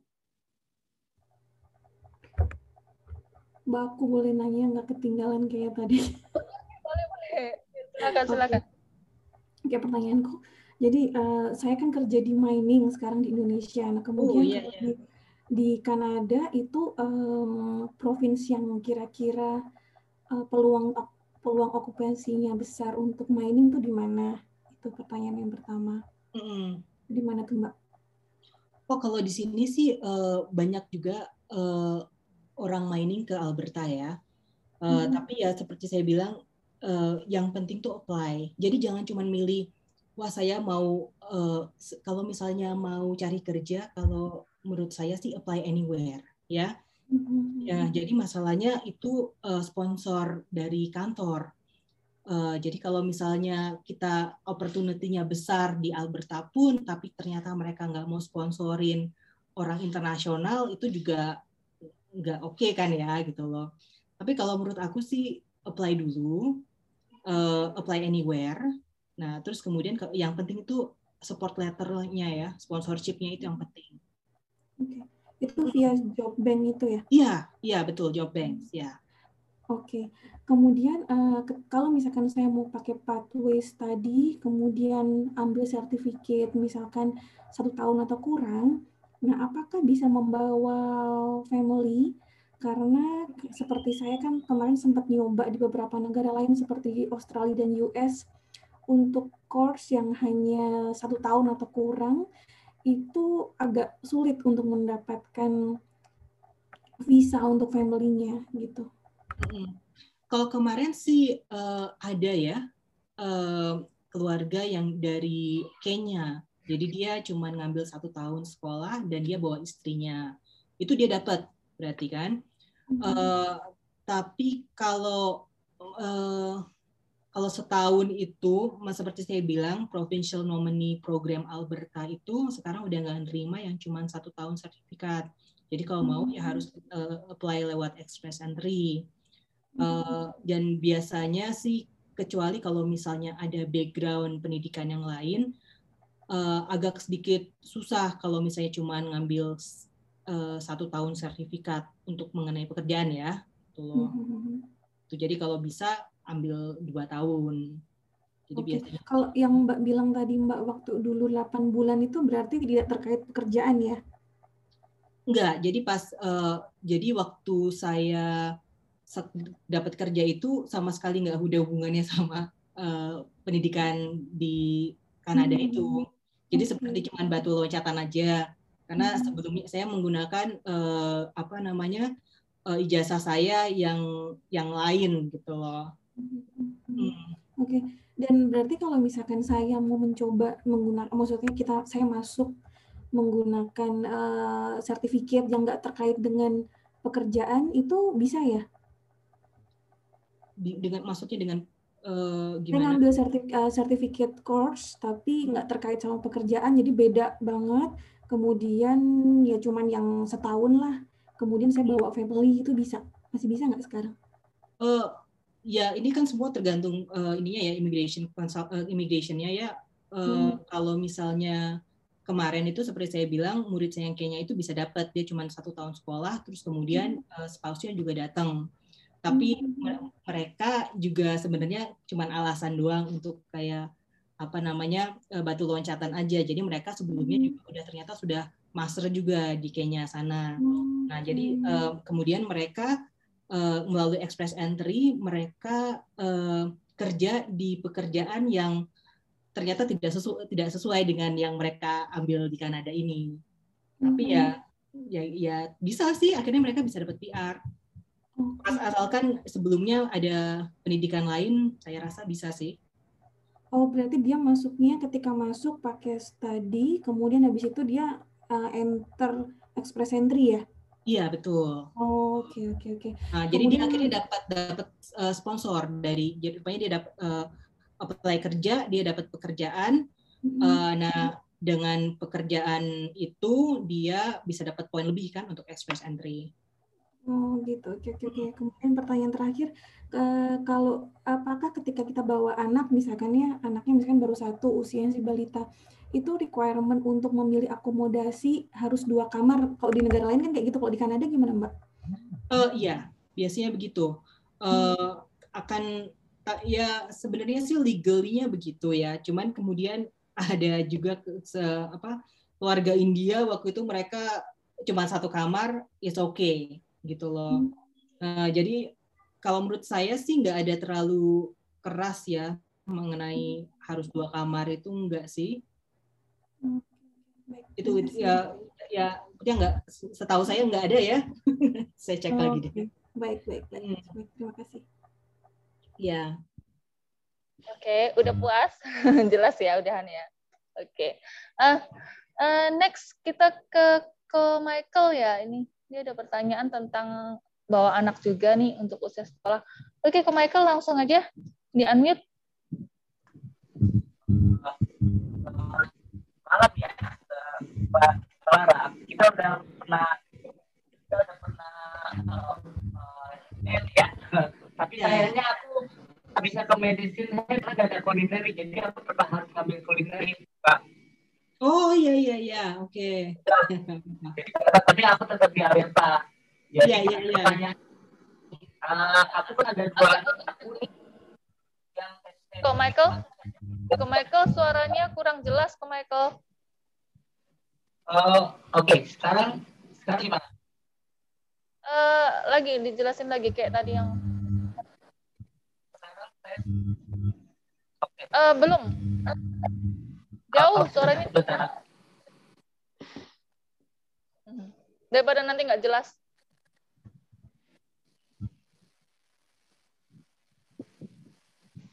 Oke, apa kita ke bentar ya kok? Apa kita ke next chat dulu ya? Boleh, boleh. Ya, halo, udah belum? Sekarang better. Halo, Halo, iya. Halo gimana? Oke. Sekarang? Ya. Oke. better. Jadi uh, better, better. Jadi aku sekarang kan rencana kalau misalnya Januari ya, Januari eh, saya ambil untuk yang kelas saya tahun depan ini. Nah, anak-anak sa- anak saya kan ada dua nih yang ma- baru masuk SMP dan masuk SMA. Nah, jadi rencananya aku tuh kan mau bawa langsung. Nah, tapi tadi kalau aku dengar barusan tadi kan katanya sekarang lebih enggak ah, buat anak-anak masih belum bisa dapat ya. Itu gimana ya jadinya? Kalau anak-anak bisa dapat kok, eh, tapi mereka eh, ya yang nggak bisa masuk tuh turis visa aja. Jadi kalau misalnya anak-anak mau eh, apply work permit, saya anjurin apply work permit juga. Nah itu bisa. soalnya masalahnya kalau nggak Oh. meskipun peraturannya jadi eh, IRCTI bilang peraturannya nggak kalau misalnya anak di bawah 18 tahun itu nggak perlu work per, eh, study permit ternyata eh, kenyataannya kalau pas nyampe Kanada mereka mau masuk sekolah sekolah-sekolahnya biasanya minta work permit ah sorry study permit jadi pas di Indonesia nanti sebaiknya apply study permit juga untuk anak-anaknya Oh gitu ya. Hmm. Jadi ini yang dimaksudkan dengan sekolahnya itu adalah sekolah high school dan secondary-nya yang minta study permit ya. betul betul jadi Oh, eh, oke. Aku kan belum tahu nih posisi kalau harus sampai di sana dulu dan baru melihat sekolahnya yang mana tuh kan karena kan kita nggak tahu tuh ya.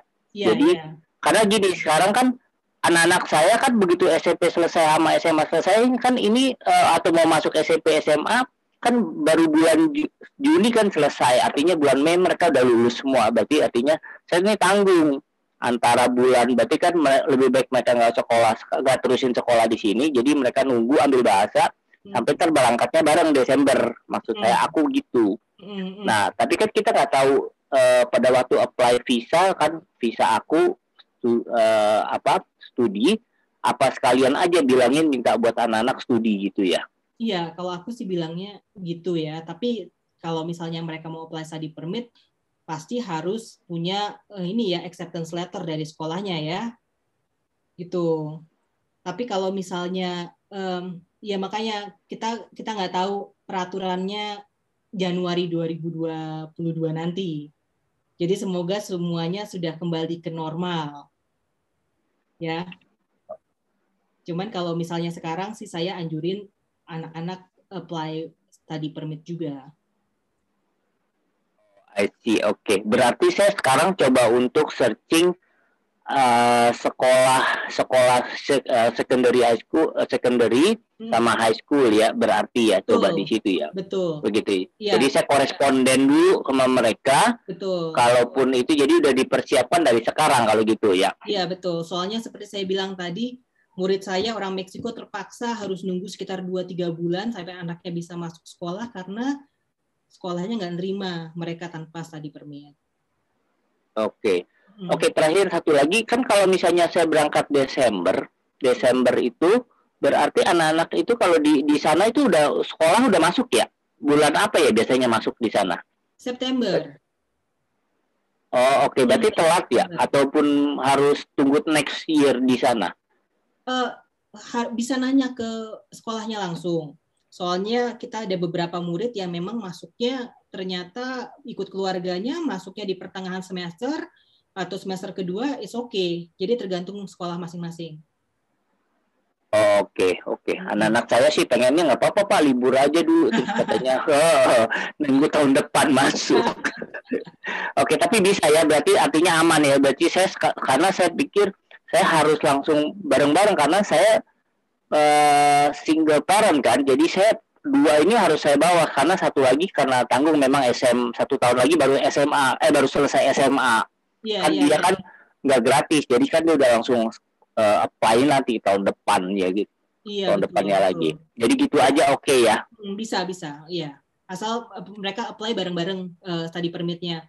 Jadi kan eh, bisa bilang, kalau Michael bisa bilang kalau oh kita saya nggak bisa ninggalin anak saya, apalagi saya single parent itu. Jadi menurut saya sih alasannya cukup kuat ya. Kalau kayak gitu. Oke berarti eh, ini juga berarti proof of fund-nya juga ber- bertambah ya berarti langsung tiga tiganya ya. Betul. Begitu ya. Betul. Oke oke siap siap. Oke buat saya dari saya itu dulu gitu loh. Nanti kita lanjut lagi Oke. untuk yang lain-lain kasih kesempatan. Makasih Kak Clara, Kak Martini. Oke, sama-sama. Oke, sebelum kita lanjut nih, eh, mungkin ada yang mau lebih tahu nih, misalnya kita itu Maple itu apa gitu. Jadi kita eh, membantu sampai sejauh apa, seperti itu kan. Nah, untuk yang mau ke Medicine Ed bisa juga dibantu Maple nih. Eh, lalu mungkin kita bisa lihat dulu ya sekilas. Eh, boleh share screen-nya. Sekilas tentang Maple.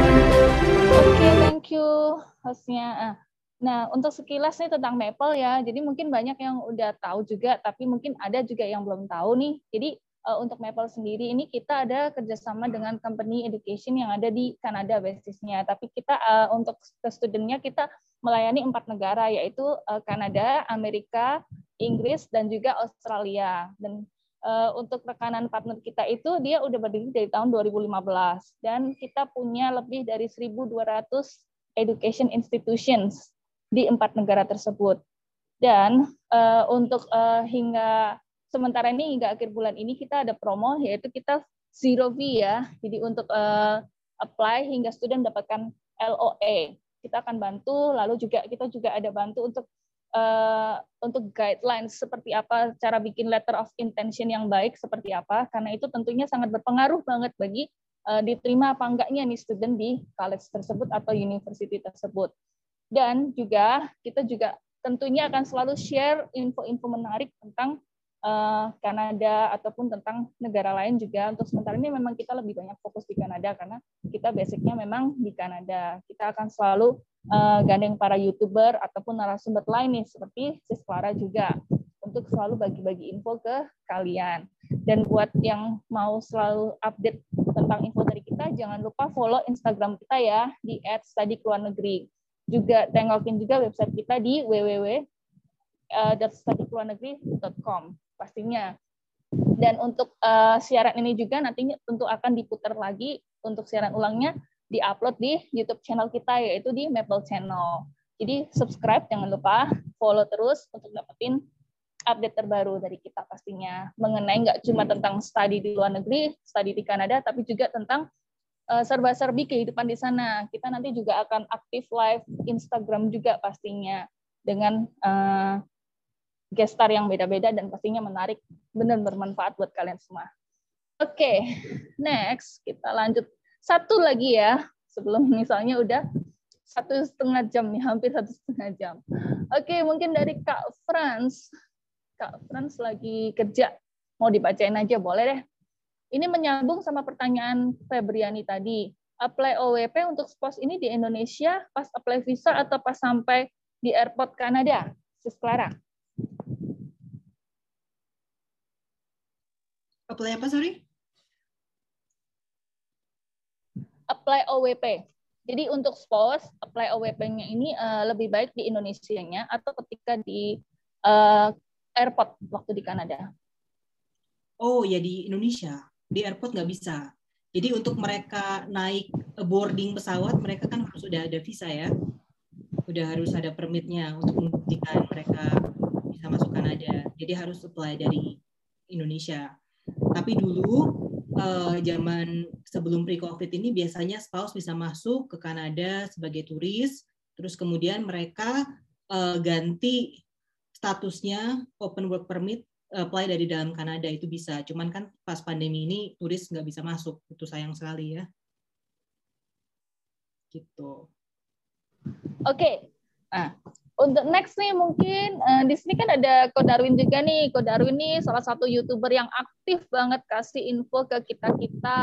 Nah mungkin Ko Darwin ada tips and trick atau apa kesan kesannya buat mereka mereka nih yang kira-kira masih survive mau ke Kanada. Wah, Ayo, Mbak, Mbak Clara sih top banget deh Martini ngasih top banget ya luar biasa. Cuma cuma saya ada mau mau mau tambahin dikit boleh nggak tadi ya? Boleh ada banget beberapa kok. poin tuh yang boleh pertama banget Yeah. Yang pertama mengenai yang soal SIM tuh Mbak Clara ya. Hmm. Jadi uh, kalau soal SIM tadi kan Mbak Clara bilang kurang lebih ada tiga bulan ya. Tapi hmm. kalau di sini itu berdasarkan pengalaman saya dan teman-teman ya, itu bukan berdasarkan waktu sebenarnya.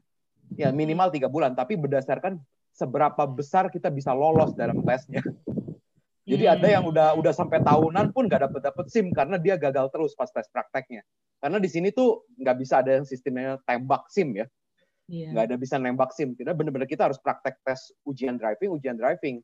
Jadi kalau kita melanggar terus pas kita mundur uh, hi, uh, apa mobil kita ngehit konnya terus yang nggak lulus lulus terus. Jadi itu sangat tergantung dari uh, kemampuan kita nyetirnya sih. Benar nggak mbak Clara? Betul. Tapi saya juga ada tip juga untuk yang lain kemarin itu suami saya saya suruh les nyetir.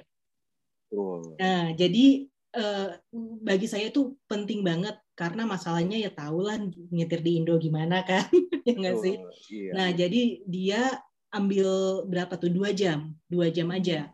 Nah tapi kalau misalnya mau lebih juga bisa. Nah itu lebih kepada oh kayak stop sign bener-bener harus stop. Ya kan? Kalau kita kan kadang-kadang wah stop terus jalan dikit. Nah itu nggak boleh.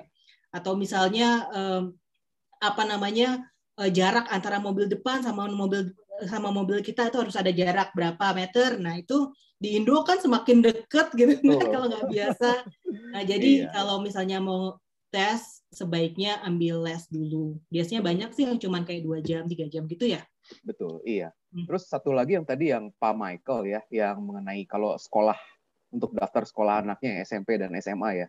Eh, setahu saya di sini eh, kalau mau approach ke sekolah anaknya itu eh, kita kan harus berdasarkan tempat tinggal kita ya Mbak Clara ya. Sekolah Iya, itu betul. berdasarkan region tempat sekolah kita gitu, eh, tempat kita tinggal. Jadi eh, Pak Michael harus tahu dulu nanti Pak Michael akan tinggalnya di mana, di daerah mana. Nah dari situ nanti bisa ketahuan Bapak ada di region mana, baru bisa daftarin anaknya sekolah. Jadi nggak bisa sembarangan sekolah gitu. Kalau public school ya. Seperti tapi itu ya Pak Clara ya. juga tergantung berapa besar eh, kotanya Betul. Jadi kalau kayak di. Madison Hat ini kotanya lumayan kecil ya. Jadi misalnya Hmm. tinggalnya di uh, ujung Madison Hat sini, tapi sekolahnya di ujungnya itu masih Betul. masih oke. Betul. Jadi uh, tergantung juga.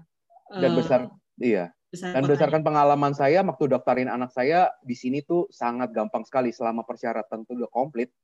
Mau di bulan kapan, mau cut off lagi kapan pun mau daftar asal persyaratannya komplit pasti diterima, nggak ada istilah di- nggak diterima gitu. Oh, kalau Jadi gitu, tahun ajarannya iya. kalau gitu saya sekalian mau nanya nih. Hmm. Eh, kan kejadian yang itu apa student saya yang orang Meksiko itu mereka nggak bisa masuk karena nggak ada study permit itu ben, itu kenapa bisa gitu ya? Apa Oh. pengalamannya gimana?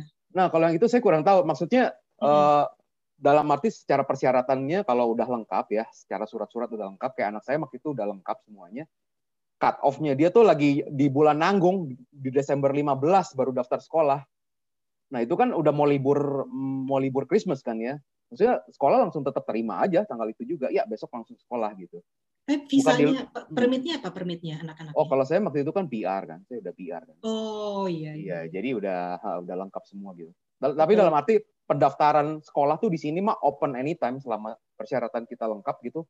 Mau cut off-nya di bulan Juli baru daftar atau di bulan apa Mei baru daftar pasti akan diterima sekolah gitu anak itu. Seperti itu sih. Hmm. Wah bagus banget infonya. Ini berdasarkan pengalaman Iya. anak saya sih. Iya iya. iya. Ko Darwin itu selalu update banget infonya dan selalu informatif banget ini. Jadi buat Waduh. kalian ya guys yang butuh senantiasa update info, jangan lupa subscribe eh, channelnya Ko Darwin. Channelnya apa kok? Sebutin kok. Indo di Indo di Toronto. Iya. Indo di Martini, Toronto. Martini jangan banyak muji saya nanti saya GR. Enggak, itu bukan pujian, itu kenyataan kok. Hmm. Jadi memang benar infonya sangat menarik dan up to date banget pastinya. Gitu. Jadi eh, berguna banget lah buat kita kita yang mau ke sana. Gitu. Jadi kok Darwin Benar. kapan kita kapan kita bisa buka room di clubhouse nih? Ayo nih, Iya. boleh nih. Iya, Lagi rame ya sekarang ya. collaboration. Iya. Itu aja sih Martini. Thank you loh waktunya nih. Iya. eh, nggak apa-apa. Aduh, anginnya gede banget di sini. Oke, oh, eh, terakhir ya untuk closing nih ada satu nih yang pertanyaan untuk terakhir aja ini eh, dari Tresia. Tresia langsung aja dia ditanyakin tentang anak lagi nih soalnya, biar nggak penasaran gitu. Eh, halo eh, Mbak Clara sama Ko Darwin. Halo. Ini saya kan masih ada usia anak saya satu, laki-laki usia tujuh tahun.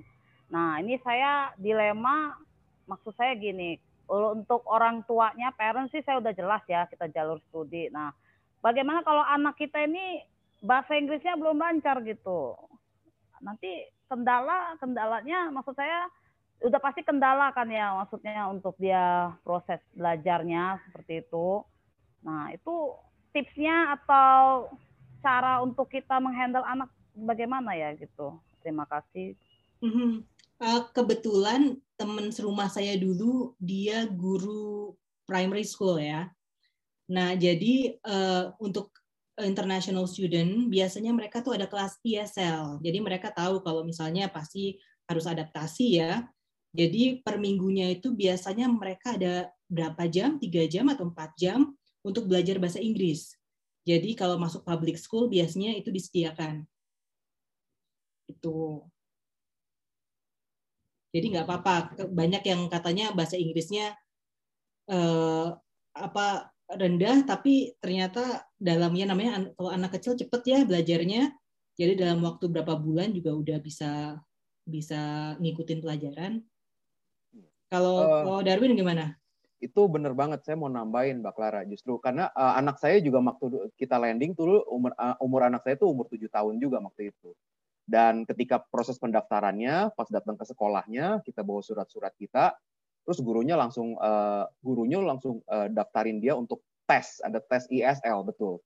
Jadi pas dites ternyata tapi anak saya kebetulan uh, bisa mengikuti pelajarannya jadinya nggak perlu ikut kelas ISL lagi. Tapi bagi mereka yang anak-anaknya itu uh, masih bahasa Inggrisnya kurang, dari pihak sekolah pun eh, memberikan eh, suatu kelas lagi khusus ada kelas pelajaran ISL untuk anak-anak itu. Tapi kalau anak umur tujuh tahun sih menurut saya pasti cepet banget untuk adaptasinya. Bahkan nanti pas sudah setahun atau dua tahun di sini, mereka tuh aksen Inggrisnya tuh udah Canadian banget. Udah hilang tuh aksen Indonesianya. Itu sih pengalamannya. Dan itu juga free of charge ya, Ko Darwin ya. Free of charge. Selama di public school, free of charge betul. Iya. Hmm. Oke, nggak terasa udah satu setengah jam. Begitu antusiasme para viewers nih luar biasa banget. Eh, terima kasih banyak banget buat Sis Clara. Tentunya udah siapin waktu buat kita. Di sana udah jam berapa ini, Sis? Udah jam setengah sepuluh. Setengah sepuluh udah cukup larut. Di tempat Ko Darwin udah jam berapa kok? Eh, jam setengah dua belas malam. Setengah dua belas. Waduh, Iya. Ko Darwin thank you banget loh. Udah mau join, apalagi juga sampein tips and trick juga pastinya. Oke, mm, terima kasih juga buat partisip- participants-nya ya. Eh, next time kita akan adain lagi tentunya dengan guest star yang lainnya tentunya yang bisa bermanfaat untuk kalian semua. Dan jangan lupa ya, tadi em, selalu follow Instagram kita untuk tahu update terbaru. Dan untuk assessment segala macam kita adain free ya. Jadi untuk consultation, assessment segala macam kita ada fasilitas untuk itu. Jadi langsung aja chat ke nomor-nomor yang ada di website itu, representatif kita. Oke, thank you semuanya. I'll see you next time. Bye. Terima kasih, Dan. Thank you.